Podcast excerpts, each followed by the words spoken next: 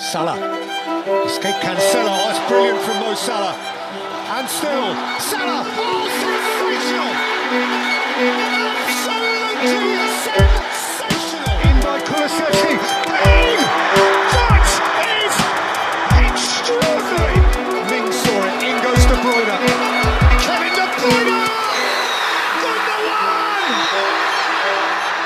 allihopa och välkomna tillbaka till FPL ikväll. Vi har precis gått igenom omgång ett som är klar och eh, ja, hur kände du Gustav när vi har gått igenom den första omgången av 38?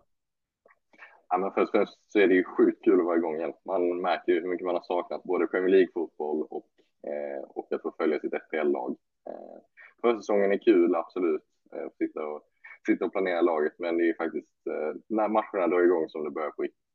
Ja, nej, men jag håller helt med. Det var ju, eh, det blev ju lite stökigt på deadlinen där eh, i, eh, ja, inför omgång ett. Det får man ändå säga, men jag tycker att det var, det var kul ändå att det drog igång. Vi, vi kommer ju till det lite senare, men vi kan ju prata om vilka lag vi eh, landade i till slut, för det har vi faktiskt inte sagt på podden innan.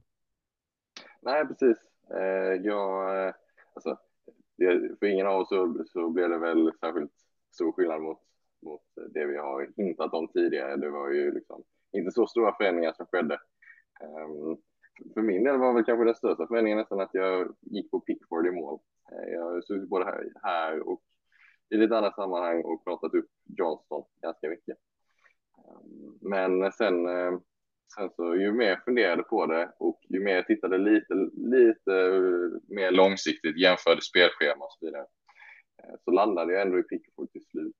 Eh, främst för att eh, schemat från omgång sju eh, till och med omgång tio, något sånt där, är liksom tydligt till Pickfords fördel tycker jag. Så den lite längre tidshorisonten gjorde att det blev Pickford i mål för mig. Sen är det standardlag i övrigt. Det var, ehm, det var, tanken var att det skulle vara Gabriel i backlinjen. Det han blir Saliba till slut. Um, Estopinian, Chilwell, femmanna mittfält, Rashford, Bruno, Saka, Martinelli, Mbuemo. Ehm, som var nära att bli Richarlison, ska sägas. säga. och sen Holland Watkins på topp. Ehm, Udogi, Caboret och Archer på bänken. Så ganska, ganska template för mig. Det var ju två spelare som eh, du pratade mycket om, Jao Pedro eh, i sista avsnittet och då hade han före Watkins, kommer jag ihåg, i din draft eh, då. Eh, och du sa att det kanske faller tillbaka till Watkins till slut ändå. Eh, det gjorde du och eh, även min, min rek får man ändå säga, för Udogi kommer in på bänken. han, han, han, gör ju det. Jag, jag hade egentligen planerat att ha en 4,5 försvarare på bänken. Min plan var att sitta med två 4,0 backar. Ehm, men sen, eh, sen när jag väl hade beställt mig för Mbuemo istället för Richarlison eh, då på fredag så satte jag med en miljon på banken och kände att kanske läge att investera en halv eh, Eh, i bänken och liksom uppgradera den lite. Eh, och då nej men, så, så liksom, eh, insåg jag att okej, okay, men det finns inte så många 4,5 miljonsbackar jag är speciellt sugen på. Så kollar man Tottenhams spelschema, tycker omgång 3, 4, 5 är bra, så, så blir det ju ändå. Eh, och det är väl inget val jag känner att jag ångrar direkt, så jag tyckte han såg ganska bra ut i premiären.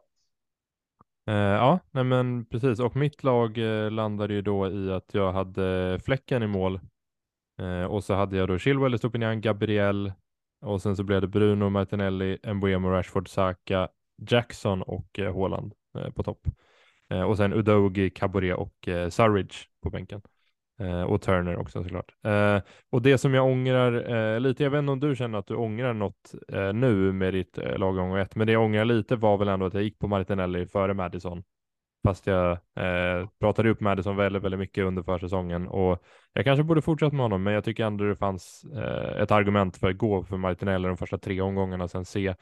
Det som gjorde mig lite osäker på att gå på Madison var att om Eh, Martinelli har ju de här första tre riktigt bra omgångarna och då kan jag då värdera om jag ska gå på Madison eller eh, Richarlison.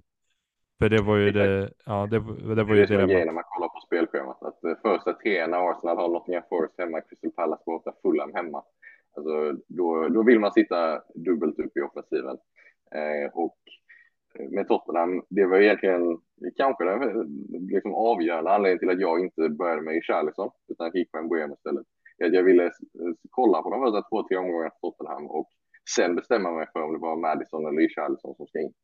Eh, och efter, vi kommer komma till det senare, vad vi tyckte om omgång ett och så vidare, men jag måste ändå säga efter, efter första matchen att jag är mer inne på Madison än, än Richarlison när det väl är dags att byta in en Tottenham i, i omgång 3-4 Ja, hade Kane stannat hade jag gått på Madison över Martinelli, det är jag ganska säker på faktiskt. Eh, men eh, nu blev det Martinelli och det funkade helt okej. Han fick ju en assist, jag tappade inte så mycket poäng på det. Det jag tappade mer poäng på var ju ändå att Gabriel eh, satt bänk och eh, det, ja, som sagt, det är runt deadline. Jag var lite, lite sur att det kom ner till eh, att man inte var där två minuter innan på eh, deadline streamen där i, på Andys eh, deadline stream, utan han bytte ju till Saliba eh, istället för Gabriel och nu får jag väl, jag får väl se det här som något eh, läge att försöka eh, komma före de som har Saliba då helt enkelt. Eh, försöka hitta någon annan väg.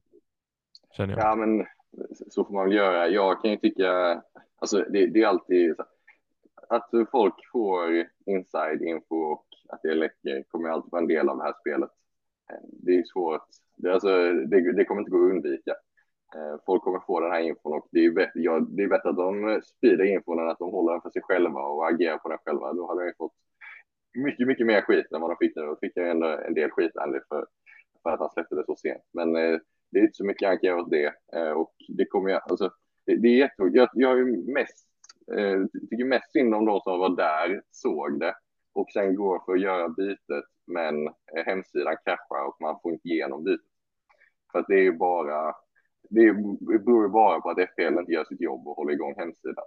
Eh, jag lyckades, jag, första gången jag klickade i bytet Gabriel Saliba så havererade det eh, och det gick inte igenom, jag blev utkastad från hemsidan. Eh, där och då var man inte jättenöjd. Eh, gå in, försök igen. Eh, för först tänkte jag, jag kan gå över till appen, se om det går där. Alltså, jag är utloggat. Det faller inte göra med två minuter till deadline. Så tillbaka på hemsidan, ge det ett sista försök. Jag tror att det bytet går igenom med typ 40 sekunder kvar till deadline.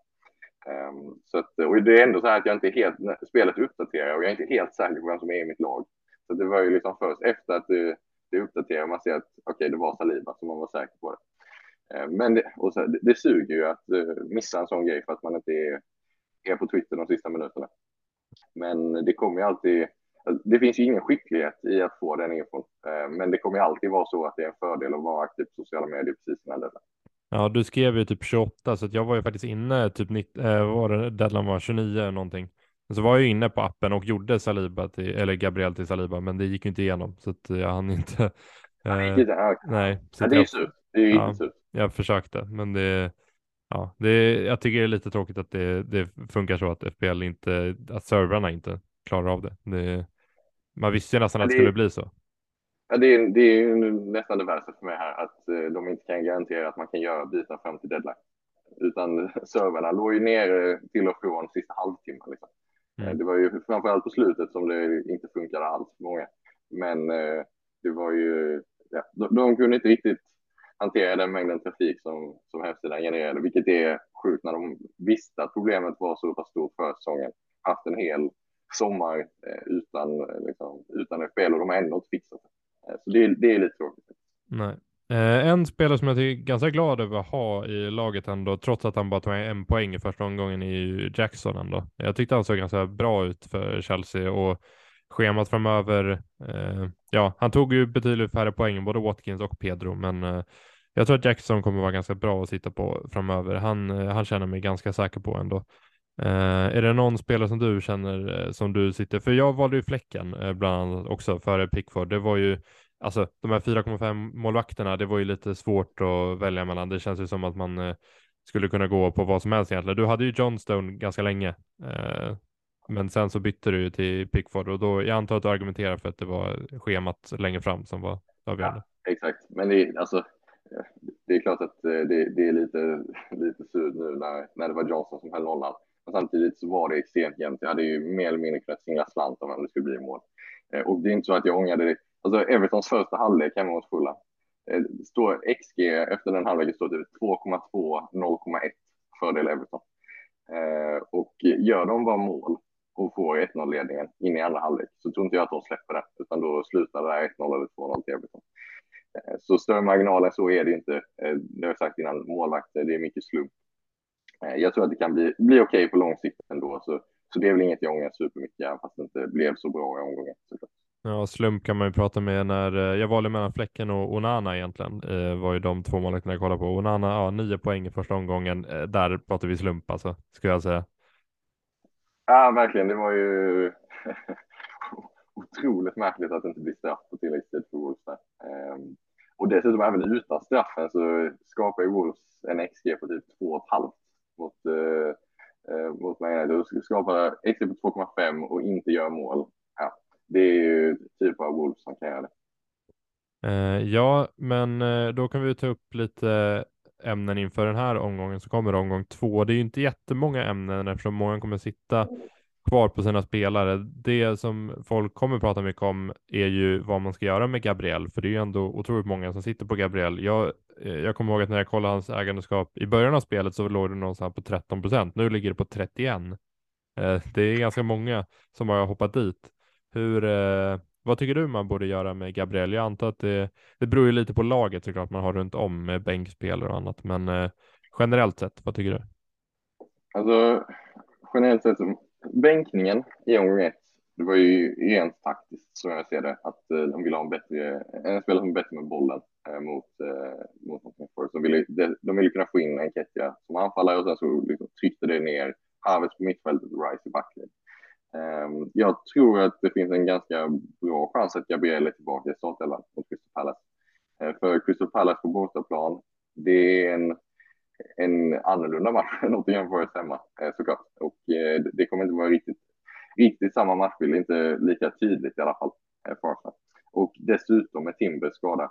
Nu vet jag att det var Tomiyasu som blev inbytt och inte Gabriel när Timber skadade sig. Men jag tror inte att det är negativt för Gabriels speltid Ehm, så jag tror att man kan komma undan med att spara bytet faktiskt och starta av. Men allt för mig hänger på hur mycket pengar har man på banken? Ehm, vilka spelare kan man eh, ta in? Vilka spelare har man redan i laget? Ehm, så det, är svårt att det är svårt att ge ett, ett generellt svar, utan det handlar ju såklart minst lika mycket om vilka spelare man har möjlighet att få in. Ja, jag håller med. Jag la ut en ganska lång utläggning kring det här. Jag kommer ihåg att när jag gjorde mina så här predicted lineup så eh, satte jag ju att Arsenal skulle spela ganska offensivt mot Nottingham Forest, att de både skulle spela med Havertz och Enketia. Eh, och det gjorde de ju, men då var ju alla Arsenal-fans, vi kan inte bänka Rice eller Partey, alltså vi måste spela båda. Och det gjorde ju Arteta då, han fick ju in båda, trots att han spelade då Havertz och Enketia. Och det gjorde han ju genom att sätta Partey typ i någon högerbacksroll nästan, som han då inverterade. Eh, och det betyder egentligen att Gabriel inte fick plats i elvan, kändes det som. Eh, de ville ju ha Timber eller eh, Tomiyasu som det blev då till slut, som liksom någon form av vänster mittback slash vänsterback. Och Gabriel kan ju spela vänster mittback, men vänsterback kan han ju inte direkt. Där, där, där får han ju inte plats, utan och då är det ju Saliba som spelar som mitt mittback. För han, jag tror att Saliba går ju före Gabriel i eh, startelvan. Det gör han ju. Det såg vi ju tydligt och det är därför jag tycker det är svårt, för jag, jag tror att de kommer gå tillbaka som de spelade i Community, community Shield nu mot Crystal Palace. Eh, jag är ganska säker på att de gör det. det och då startar ju Gabriel. Jag är ganska säker på att han startar. Men sen så är det Fulham hemma. Kommer han spela då som han gjorde mot Nottingham Forest hemma eh, med då kanske Tomiyasu som istället för Timber? Eh, eftersom det var ändå Tomiyasu som blev inbytt. Eh, eller hur de ska göra där. Jag tycker det är svårt för att om man nu, om man nu håll, behåller Gabriel inför Crystal Palace borta, då får man ju en helt okej match. Men sen så, du vill ju verkligen att han ska starta mot Fulham hemma. Det är ju den matchen man vill ha hellre egentligen. Eh, och så sitter han bänk igen. Då är det frustrerande om Reece James eller Chilwell, till exempel, om man inte har någon av dem och så sitter de mot, eh, vilka möter de? De möter Luton hemma. Ja, och du sitter med Gabriel som sitter, sitter bänk mot Fulham. Då kommer man ju vara lite sur, känner jag i alla fall. Så jag vet inte riktigt. Jag tycker det är jättesvårt. Absolut. Så här på lång sikt så är det här inte alls bra för Gabriel för att en av de stora anledningarna till att man plockade ut honom i laget var ju att han ska starta varje match och eh, att det kommer ticka på poängmässigt. Det är inget som man behöver vara orolig för överhuvudtaget för speltiden, tänkte man ju. Eh, men det tycker jag ändå att man kan dra som slutsats av bänkningen i omgång ett. Att, ja, given är han inte längre för att i de här hemmamatcherna mot, mot de eh, lagen som kommer eh, stå jättelågt Ehm, så kommer Arteta ibland att, att gå för en annan approach och den approachen kanske inte har Gabriel på plan. Ehm, så det, det är ett problem på lång sikt, ehm, som du säger, och det finns ju aldrig, aldrig risk att han sitter bänk igen hemma mot Fulham. Så då ska man ju vara beredd i sådana fall på att göra bytet då, även om det liksom går emot alla ens instinkt att släppa Gabriel inför Fulham hemma. Så kan man göra bytet då. Om man inte har Chilwell, det vill säga, om man inte har Chilwell och man har råd att byta in honom, ni kan ju precis så att det räcker inte med 0,5 längre. Men har man inte Chilwell och har råd att byta in honom, ja, men gör det bytet. Det hade jag liksom. Vi, vi ska prata lite, lite Chelsea om en liten stund, men eh, eh han, är, han är så extremt offensiv eh, och schemat är så pass bra att det, det är bara att plocka in honom om man inte har honom. Um, James är jag inte riktigt lika säker på att det är värt att stressa in, utan eh, jag hade nog. Hade jag haft Gabriel så hade jag gett en vecka till. Ja, Eh, jag, jag lutar i alla fall, eh, just nu i alla fall, mot att byta in James, men det är också för att jag har 1,5 miljoner i banken eh, som jag skulle kunna röra mig med. Jag kanske eh, inte behöver två byten om jag har eh, så mycket pengar i banken, tänker jag. Eh, så vi, ja, vi får se helt enkelt. Men eh, det hade varit lite jobbigt om James går och skadar sig nu, nu i den här matchen, precis innan alla byter in honom inför Luton hemma. Exakt, det... Det, kan, det, det, kan man ju tyvärr se framför sig. Mm. Eh, nu var det ju väl inte skada som gjorde att han klev av mot Liverpool, utan det var väl att han var trött. Eh, men eh, det, känns ju som eh, klassiskt FPL att eh, tänka att man ligger ett steg före, plocka in James en vecka innan alla andra plockar in James och så går han och skadar sig. Mm. Eh, så hamnar man ett byte efter, ett till byte efter istället. Ja, verkligen. Eh, ja, det andra dilemmat som är ganska stort inför den här omgången är väl eh, vilken målvakt man ska starta, för det är ju väldigt många som sitter på Turner nu och han har Sheffield United hemma. Eh, ja, jag la ut en tweet också och frågade så här, är det någon målvakt man startar över Turner den här omgången? Vilket låter sjukt, för han spelar för Nottingham Forest, men ändå. Ja, men det är klart att, man är, att det är, men eh, det är kanske inte så många målvakter som, som folk har i FPL som man startar för Turner. Alltså, jag tänkte så här, Allison och Ederson och sådana startar man ju såklart före, men det, det, är inte så många som, som har dem. Eh, så man, det är de man får jämföra med är ju Pickford, Johnston, eh, Onana och Fläcken. Egentligen de, de fyra som folk har i laget. Eh, Pickford och Johnson tycker jag det är helt givet att bänka faktiskt, på spelar Eh, Pickford med Aston Villa borta och Johnson Arsenal hemma. Eh, det finns, jag, alltså jag ser ingen anledning till att man skulle starta någon av dem före för Turner mot Sheffield. Det ska ju sägas, alltså, nu ska man inte dra för stora växlar på omgång ett, men Nottingham Forest släppte inte till så många stora chanser mot Arsenal. De höll Arsenal till 0,8 XG totalt på den matchen. Um, och det är klart att det kan bero på att Arsenal fick två mål i första halvlek och att de var ganska nöjda med det. Um, men de släppte inte till så många stora chanser, Nottingham Forest, och framförallt Sheffield United hade ju problem i sin, eh, sin premiär eh, framförallt offensivt. Ja, nej, det är väl framförallt det. Alltså jag bryr mig knappt hur Nottingham Forest såg ut i premiären. Det är väl Sheffield United, hur dåliga de är som jag tror kommer vara den avgörande faktorn här. Man spelade ju en fronttrio med Osula som har spelat noll, noll starter i Championship. Eh, hoppar ju rakt in och spelar 90. Eh, och så Benny Traoré som vi känner igen från allsvenskan. Eh, inte kanske riktigt Premier League-nivå än. Eh, kanske tveksamt att veta det. Och sen Ben Osborne som var vänsterytter. Uh, ja, nej. Det, det är inte Premier League-nivå. Nej, det är verkligen inte det. Och ja, de skapade egentligen ingenting mot Palace på hemmaplan. Så att, uh, ja, nu har Forest hemma som var visserligen uh, ganska bra på att hålla noll i förra säsongen, även fast deras underliggande statistik var ganska dålig även på hemmaplan. Ja, och det, det var, de släppte in betydligt färre mål hemma än vad de gjorde borta förra säsongen. Och det är klart att det är stor skillnad på Arsenal borta och Sheffield United hemma i hur hur Forrest laddar upp för de här matcherna. De vet att det här är en match de måste, de ska ta tre poäng i den här matchen. Eh, och ehm, det finns väl alla möjligheter att de löser en 1-0 eller 2-0 vinst här. Ehm, som sagt, Pickford och Johnston tycker jag det är väldigt enkelt att bänka. Jag tycker dock att det finns en diskussion att ta, eh, kanske framför allt kring Fläcken, men även kring Onana. För att eh, vi såg, alltså, jag, jag tror att jag hade bänkat någon annan då för att Uniteds defensiv inte så särskilt bra ut överhuvudtaget i omgång ett. Och eh, Tottenham är så pass vassa offensivt att jag förväntar mig att de kommer göra mål. Däremot så tror jag att det finns eh, potential för en hel del räddningar från Anna. Eh, för att eh, Tottenham skjuter en del och de skjuter en del från utanför straffområdet. Bara de träffar mål så tror jag det kan bli en del enkla räddningar från Onana. Eh, så att om de mot förmodan skulle hålla nollan så tror jag att det, det kan bli 10 poäng igen från Onana. Ehm, eller något liknande. Ehm, men även om de skulle släppa in så, så kan det bli 3-4 poäng så att han gör lite räddning. Ja, eh, jag, jag eh, tycker verkligen att man ska starta Turner före Onana, men det är mycket på grund av att man backar hålla nollan. Jag såg på oddsen till exempel att eh, Turner hade 41 procents chans att hålla nollan och Onana runt 24, 25 någonstans där. Så att ja, ja Spurs är. Ja, Spurs är ju alltså riktigt bra off offensivt i år. Måste, det, det tror jag att de kommer vara. Så att eh, ja, jag, jag och United imponerade ju inte jättemycket, ska vi säga defensivt. Nej, absolut. Men eh, fläcken då? Ja, borta. Det är, ju, det är ju faktiskt en bra match. Mm, jag vet. Eh, så det är ju lite svårare för Brentford är ju faktiskt ett ganska bra försvar tycker jag. Eh, de, de gör ju det bra för, eh, de släppte ju till, ja vad släppte de till mot Spurs? Typ 1,2 expected goals, vilket är, ja det är inte jättebra, men Fläcken gjorde ändå en del räddningar och Ja, jag vet inte riktigt hur man ska känna inför Fulham borta. Fulham var inte jättebra mot Everton tycker jag, men eh, de gjorde ändå ett mål och eh, det är en bortamatch ändå Fläcken och jag tror att Mitrovic och Andreas startar den här matchen. Um, och det gör nog ändå att jag lutar mot Turner för att om de får tillbaka Andreas och Mitrovic, då känns det som att det är, det är bättre att starta Turner tycker jag.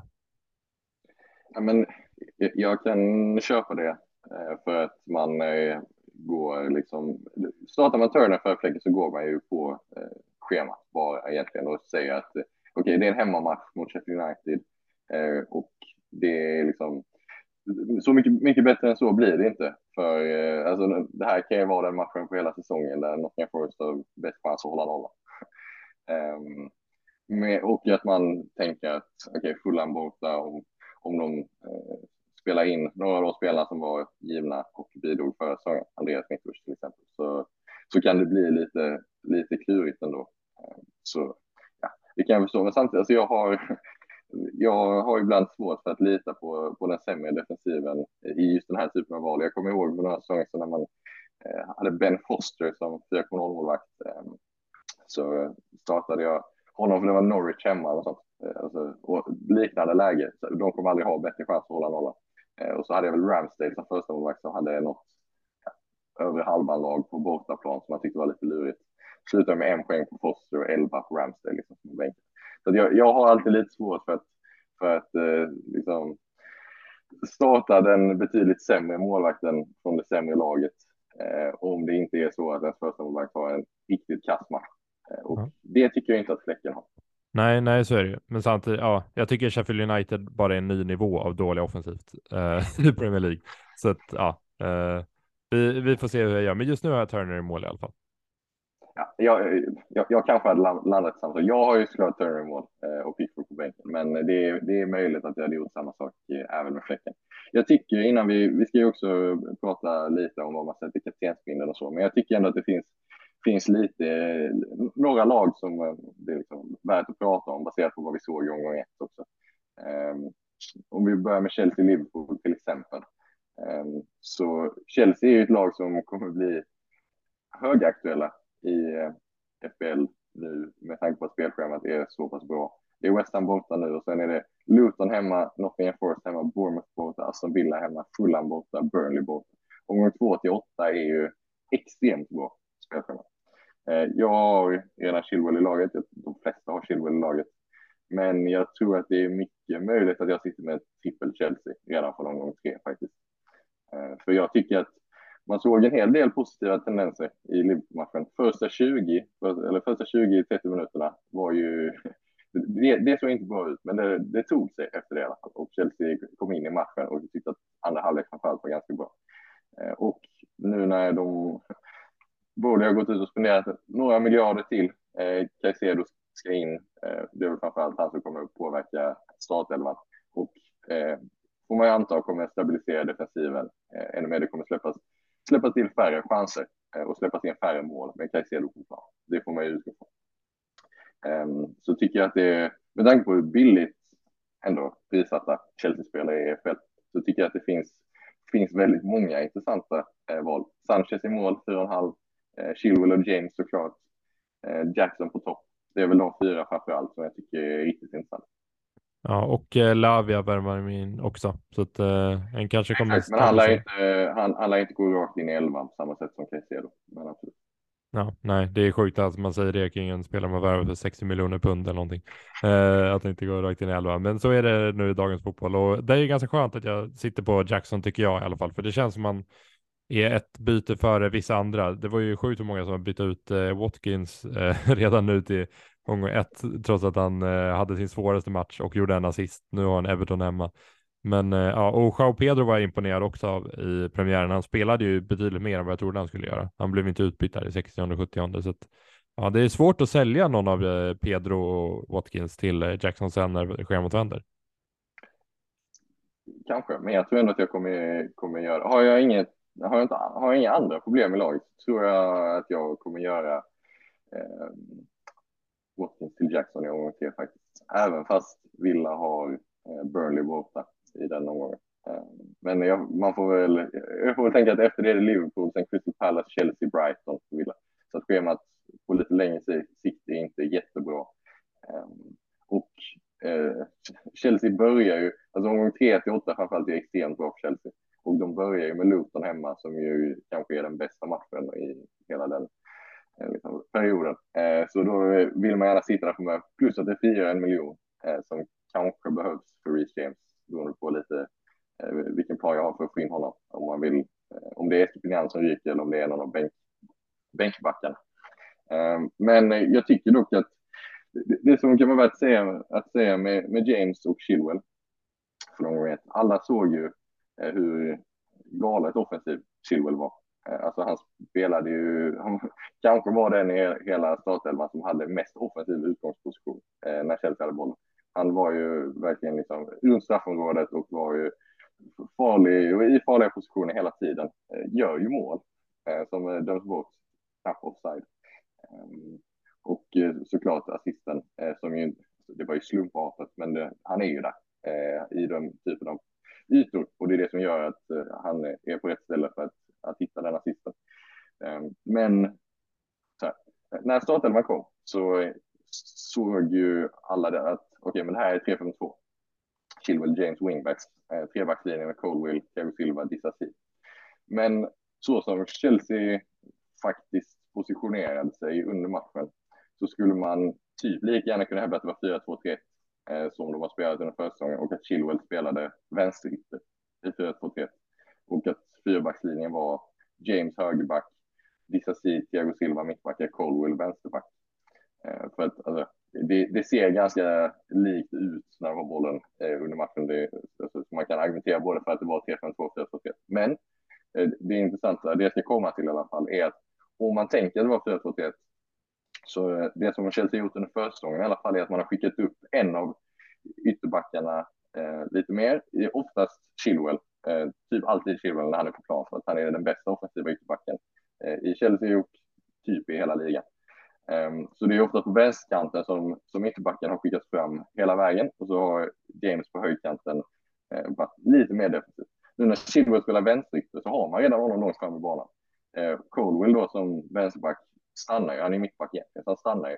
Eh, och då kan James skjuta fram på högerkanten istället. Så det blir ju typ ändå en trebackslinje med wingbacks. Ehm, men min oro lite bara är att om man går tillbaka till en fyrbackslinje, om man fortsätter eh, nu kommande matcher med spela 4-2-3 som man gjort under försäsongen och det är Chilwell och James som ytterbackar och bara två mittbackar på plan.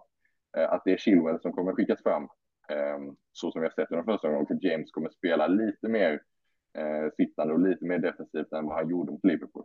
Eh, att eh, han inte kommer kunna kunna trycka på framåt riktigt lika mycket. Nej, och det som är lite jobbigt är väl också att eh, både Chilwell, även om du märkte det, men Chilwell och James eh, verkar ju ha tappat fasta, i alla fall till Enzo Fernandes som tog egentligen alla, eller hur, i, mot Liverpool. Eh, det kändes som att han tog de flesta i alla fall från vad jag såg.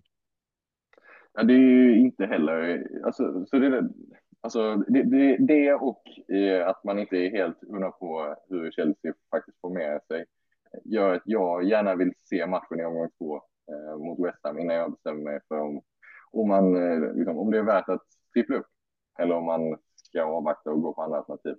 Eh, så det är väl också därför jag, då får återknyta till Gabriel-diskussionen, därför jag inte hade gjort bytet eh, Gabriel till James redan denna veckan. För att jag vill se hur Chelsea eh, både ställer upp och hur de faktiskt spelar mot ett lite sämre lag. Eh, om det som vi såg mot Liverpool bara var eh, för att hantera Liverpool eller om det var någonting som, som vi kommer att se oftare. Eh, vi har liksom eh, en omgång räcker inte riktigt för mig för att känna mig säker där. Så därför, därför hade jag gärna velat avvakta och se vad som händer i omgång två innan jag tar det beslutet. Ja, du pratade om hur högt Chilwell låg. Jag såg ju nu att hans snittposition var ju högre än eh, Jacksons i matchen. Så att, eh, ja, exakt, det säger alltså, det. Var, han var ju liksom längst fram av mm. alla. Så, ja, nej, det, Chilwell måste nästan in tycker jag om man inte har honom. Eh, jag vill bara gå vidare till United för att det är ändå eh, lite eh, intressant att se hur man tänker kring United-mittfältare. Om de eh, blankar den. Garnacho hade den sämsta insatsen jag sett på bra länge, alltså i United. Och eh, ja, det var lite intressant att typ 100 000 nästan hade bytt in Rashford innan matchen. Eh, jag vet inte om du såg det, men det var faktiskt otroligt många som hade bytt in Rashford innan matchen och sen sålde väl alla honom igen sen eh, efter vad de såg. Nej, men eh, Eh, ja, Bruno och Rashford är väl eh, kanske de som folk, eh, av de mittfältare som man har, som folk kanske kollar på och sälja, men det är alltså en match det, det, man måste ge dem mer tid och det är Spurs, alltså Spurs tror jag passar United ganska bra. Det... Exakt, exakt. Det var det, det var det jag skulle säga att eh, kollar man eh, liksom Manchester United mot Wolves tidigare så blir det ofta ganska låst. Jag tror inte att eh, Tottenham mot Manchester United kommer bli en låst match. Jag tror att det blir ganska öppna spel och att det kommer bli en hel del möjligheter åt båda hållen. Eh, jag tror att det är en match som kan passa framför allt Rashford väldigt, väldigt bra. Ehm, så nej, jag hade inte stressat för att byta ut någon av dem. Det som ska sägas dock är att om man är 100% säker på att man vill ha Madison eller Charlison redan från omgång tre, eh, när det Spurs bra schema börjar, så är det ju det är svårt att göra bytet Bruno till Madison i omgång tre när United har Nottingham Forest hemma. Det kommer inte hända. Så om man vet att man vill ha Madison redan från omgång tre, plus att man känner att man vill eh, liksom, man vill dra en chansning i omgång två, det behöver inte vara helt fel att göra Bruno till, säg Jota eller Diaz eh, för att få Bournemouth hemma och sen gå direkt till Madison i omgång tre. Ehm, det, är ju kanske inte ett, ett optimalt sätt att lägga två byten på, men om man har sina Chelsea-spelare redo och man är nöjd med sitt lag och verkligen vill ha Madison redan från omgång tre och känner att man, man vill, vill göra en chansning här på en Liverpool-mittfältare för att eh, höjden i den här matchen är så pass hög. Ja. Helt fel är den. Och hur känner vi kring kaptensvalet? För det är ju lite mer intressant den här omgången. Det är ju Håland och Sala. Eh, de som sitter på Sala, alltså jag tycker det är bara är att köra om jag ska vara helt ärlig. För att du valde Sala av en anledning. Du måste ha tänkt att du ska binda han i omgång två. Du måste få ut lite värde från honom, för han är väldigt mycket dyrare än alla andra mittfältare. Jag känner att man borde köra på det, eh, om jag ska vara helt ärlig. Alltså jag, jag, tycker att det är helt givet om man har eh, Mohamed Salah att man vill honom. Eh, Bournemouth hemma. Jag kan till och med tänka mig så långt som att säga att det är en av de bästa möjligheterna man kommer få i höst att eh, sticka ut. Eh, för att eh, det är trots allt så, även om det är en hel del som har Salah så är det inte, det är betydligt, betydligt färre än vanligt. Eh, de flesta har inte Salah alls. Eh, och så här, eh, även om Haaland kan göra hattrick hemma mot Newcastle, han kan göra hattrick i vilken hemmamatch som helst, så så är det så här, säg att det är mer rimligt att han, att han gör två mål, då, så är det 13 poäng på Håland. Alltså, det, du har ju ändå Håland. Alla har Håland. Så att eh, du, du tappar 13 poäng och sen har du då Salah. Och du vet att de som inte sätter, alltså, det är bara de som, de som har Salah sätter bindeln där. De som, och resten har honom inte. Alltså, antingen har du honom bindlad eller så har du inte honom i laget. Så det kommer bli, eh, det kommer bli om Salah levererar så blir det extremt stora swings poängmässigt. Eh, för att det finns bara att binda honom eller att inte ha honom alls. Så du har ju en jättemöjlighet att dra ifrån 30 poäng mot de som inte har Salah eh, i och med att du binder. Och, eh, nej, alltså när matchen är så bra, Bournemouth hemma, det kan ju bli, alltså, Liverpool är så bra offensivt, Salah är så pass bra. Eh, nej, jag hade inte tvekat alls. Och det är ett nytt Bournemouth också. De, eh, jag vet inte om du såg det, men de hade ju den tredje högsta backlinjen i omgång ett, eh, bakom bara Brighton och Arsenal. Så att, det, det är man ju lite oroad för när man tänker att Salah ska springa in där bakom. Men ja, det ska ju sägas att vad heter, Iraola var ju ganska bra mot topplagen förra året, både mot Real Madrid och Barcelona. De, här. de tog ju ganska många poäng mot dem. Men ja, det är svårt också med Bournemouth att göra någonting mot de här storlagen. Men ja, eh, jag är lite rädd att Salah kommer springa in och göra ett hattrick där bakom. Men eh, ja, nu har vi gått på Håland. Ja, det, absolut, det, är fullt möjligt. Det kan ju absolut hända. Eh, och det är det, det, är det jag känner att man måste, har man honom så måste man gå all in bara, eh, och hoppas att han gör två plus ett eller något liknande. För då kan det ju bli, alltså det kan bli 30-40 poäng mot de som inte har honom.